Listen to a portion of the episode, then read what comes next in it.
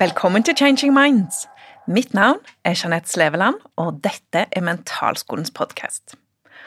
Har du tenkt over hvordan du kan studere smartere og ikke hardere? Og har du gjort en innsjekk med deg sjøl gjennom studietid, enten du studerer som voksen, eller kanskje du har barn eller noen rundt deg som studerer, kanskje du jobber med å undervise? Og tenker du over hvordan lære å lære, og ikke bare lære faget? I halvannet år nå så har jeg studert psykologi, og jeg blir alltid nysgjerrig på hvordan jeg kan gjøre ting smartere og mer effektivt, og hvordan jeg kan lære bedre uten å bruke mer tid og mer krefter. Og i den søken så har jeg kommet over en ganske fersk bok gitt ut i år, med to forskere fra USA, som òg er lærere innenfor kognitiv psykologi, som har samla denne informasjonen i en god bok. Og i dag har jeg lyst til å dele litt av det de har kommet frem til, og det de ser at er nyttig, og gode strategier å bruke for å skape gode læringsvaner, og som de tenker at dette bør alle universiteter, høyskoler, videregående skoler, ja, helt ned på barneskolenivå, få integrert som en del av det av Altså at elevene selv forstår hvordan kan jeg gjøre ting bedre.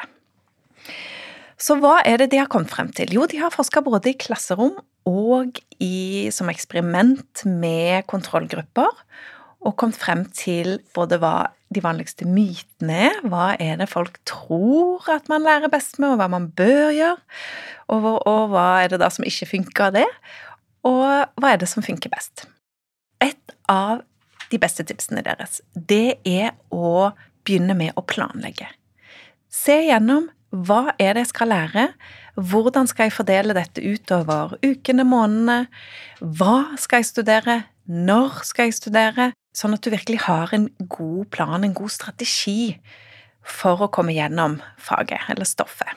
Spacing er et uttrykk som brukes på engelsk.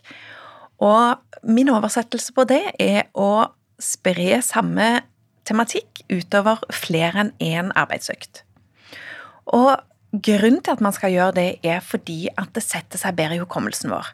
Og måten man gjør det på, er da istedenfor at du tirsdag leser kapittel 1 og torsdag leser kapittel 2, så les heller på kapittel 1 og 2, eller i to forskjellige fag, men det samme kapittelet over begge øktene, eller flere økter. Eh, jeg har hørt andre som òg velger å når de skal ta pause, eksempel, at de istedenfor å lese ferdig kapittel eller ferdig tematikken, og så ta pause, at de stopper midt i.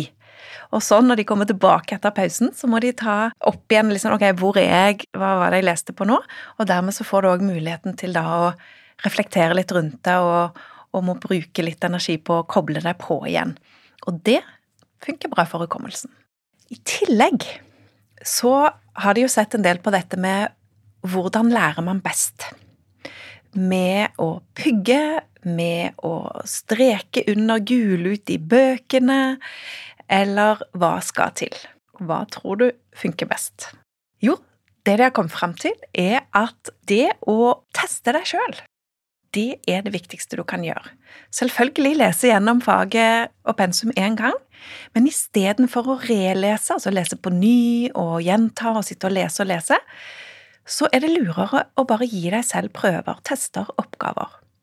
Det syns jeg er skikkelig kult på det studiet jeg går på, hvor de gir oss refleksjonsoppgaver etter hvert tema, og gir noen innspill og en del sånne multiple choice-oppgaver på hva vi bør kunne, sånn at vi hele tiden kan ta de testene og får en indikasjon på hva dette har jeg kontroll på, hva kan jeg, hva er fortsatt litt uklart, og hva må jeg jobbe mer med.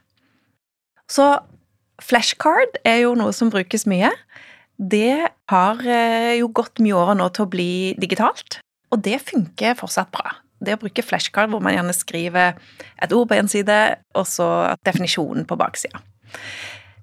Det som i tillegg man bør gjøre, er ikke bare å pugge definisjonen, men å legge til et par steg til.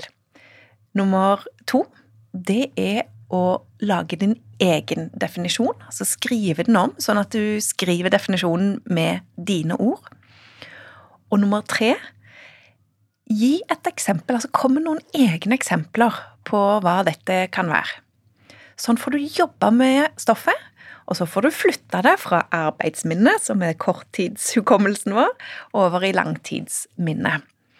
Og det er jo det vi vil. Når vi skal lære noe nytt, så handler det jo ofte om å få det til å sitte. Ikke bare pugge for å kunne prestere på en prøve, og så at det forsvinner ut igjen. Det er klart Noen ganger så er det helt ok òg. At man pugger for en prøve, og så klarer man den, og så check.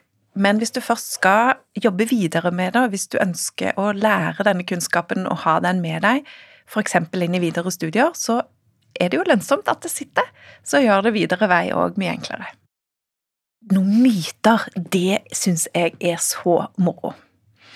Og en myte som veldig mange tror på, og som veldig mange har testa ute i skoler og klasserom, det er mytene om at vi har ulike læringsstiler. Og at det lønner seg å pugge, lese, lære gjennom den preferansen man har. Disse læringsstilene de er knytta til sanseapparatet vårt. Det kan være det å se, at man lærer best ved å se ting, høre ting, eller å gjøre, føle, kjenne etter. Og faktisk så vil vi ofte kjenne at det er denne pref liksom såkalte preferansen vi har, at vi, at vi trigges godt av det, og det kjennes godt. Men faktisk så viser nyere forskning at læringsmessig så er det helt omvendt. Når du kjenner at nå lygger det, dette er vanskelig, dette får jeg ikke til, jeg skjønner det ikke, det er da du lærer best. Og det er ofte hvis det da hvis du ikke får det sånn som du ønsker, eller sånn som det oppleves eh, kanskje mest behagelig, da, så heller få det inn på ulike måter, og som underviser eller lærer, tenk på hvordan du kan bruke ulike veier inn, ikke bare hold deg til én. Så kommer dette poenget med om vi skal ta notater eller ei og om det er bedre å ta notater skriftlig via hånda, gammeldagsmetoden med penn, eller via en skjerm en PC. Veldig mange de siste årene har kommet til meg og sagt jo, vi vet at det er bedre å skrive for hånd enn på PC. Vel, her er det gjort masse forsøk med kontrollgrupper, hvor de ser hvem er det som sitter bare og lytter og, og, ser i undervisningen, kontra de som tar notater. Hvem husker og forstår mest når de kommer ut derfra? Der er ingen forskjell, dere. Det er helt likt mellom de som tar notater, og de som ikke gjør det. Men forskjellen er det at de som tar notater, har et kjempegrunnlag for videre studier. Så hvis man faktisk bruker de notatene, tar de opp, så vil de som tar notater, komme veldig mye bedre ut enn de som ikke gjør det. Så om en foreleser eller lærer snakker veldig fort, f.eks., istedenfor da å bare sitte og høre, og det går inn ett øre og ut det andre, tar du notater, så kan du sette deg ned og reflektere rundt det og jobbe med det etterpå.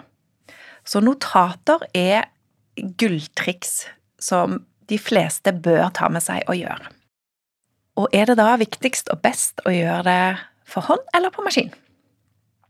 Det kommer an på deg som skal lære, og det kommer an på faget du skal lære. For har du en, et fag hvor det Si du skal lære matte, da. Og du skal sitte og lage en masse formler inn på en PC. Det vil kanskje være tungvint og klønete å få til. Det vil være gjerne bedre å skrive for hånd. Mens hvis en foreleser eh, snakker i full fart, og du skal få med deg mest mulig, og du skriver raskere på BC enn med hånd, så lønner det seg. Så ikke heng deg så opp i metoden du bruker, bruk det som funker best for deg, og det som funker best i det faget eller i den forelesningen. Og så la oss ta med én myte til det handler om dette med at noen sier at de liker best å ha musikk på øret, eller være i et rom et sted hvor det er litt liv og action, og at det funker bedre for dem.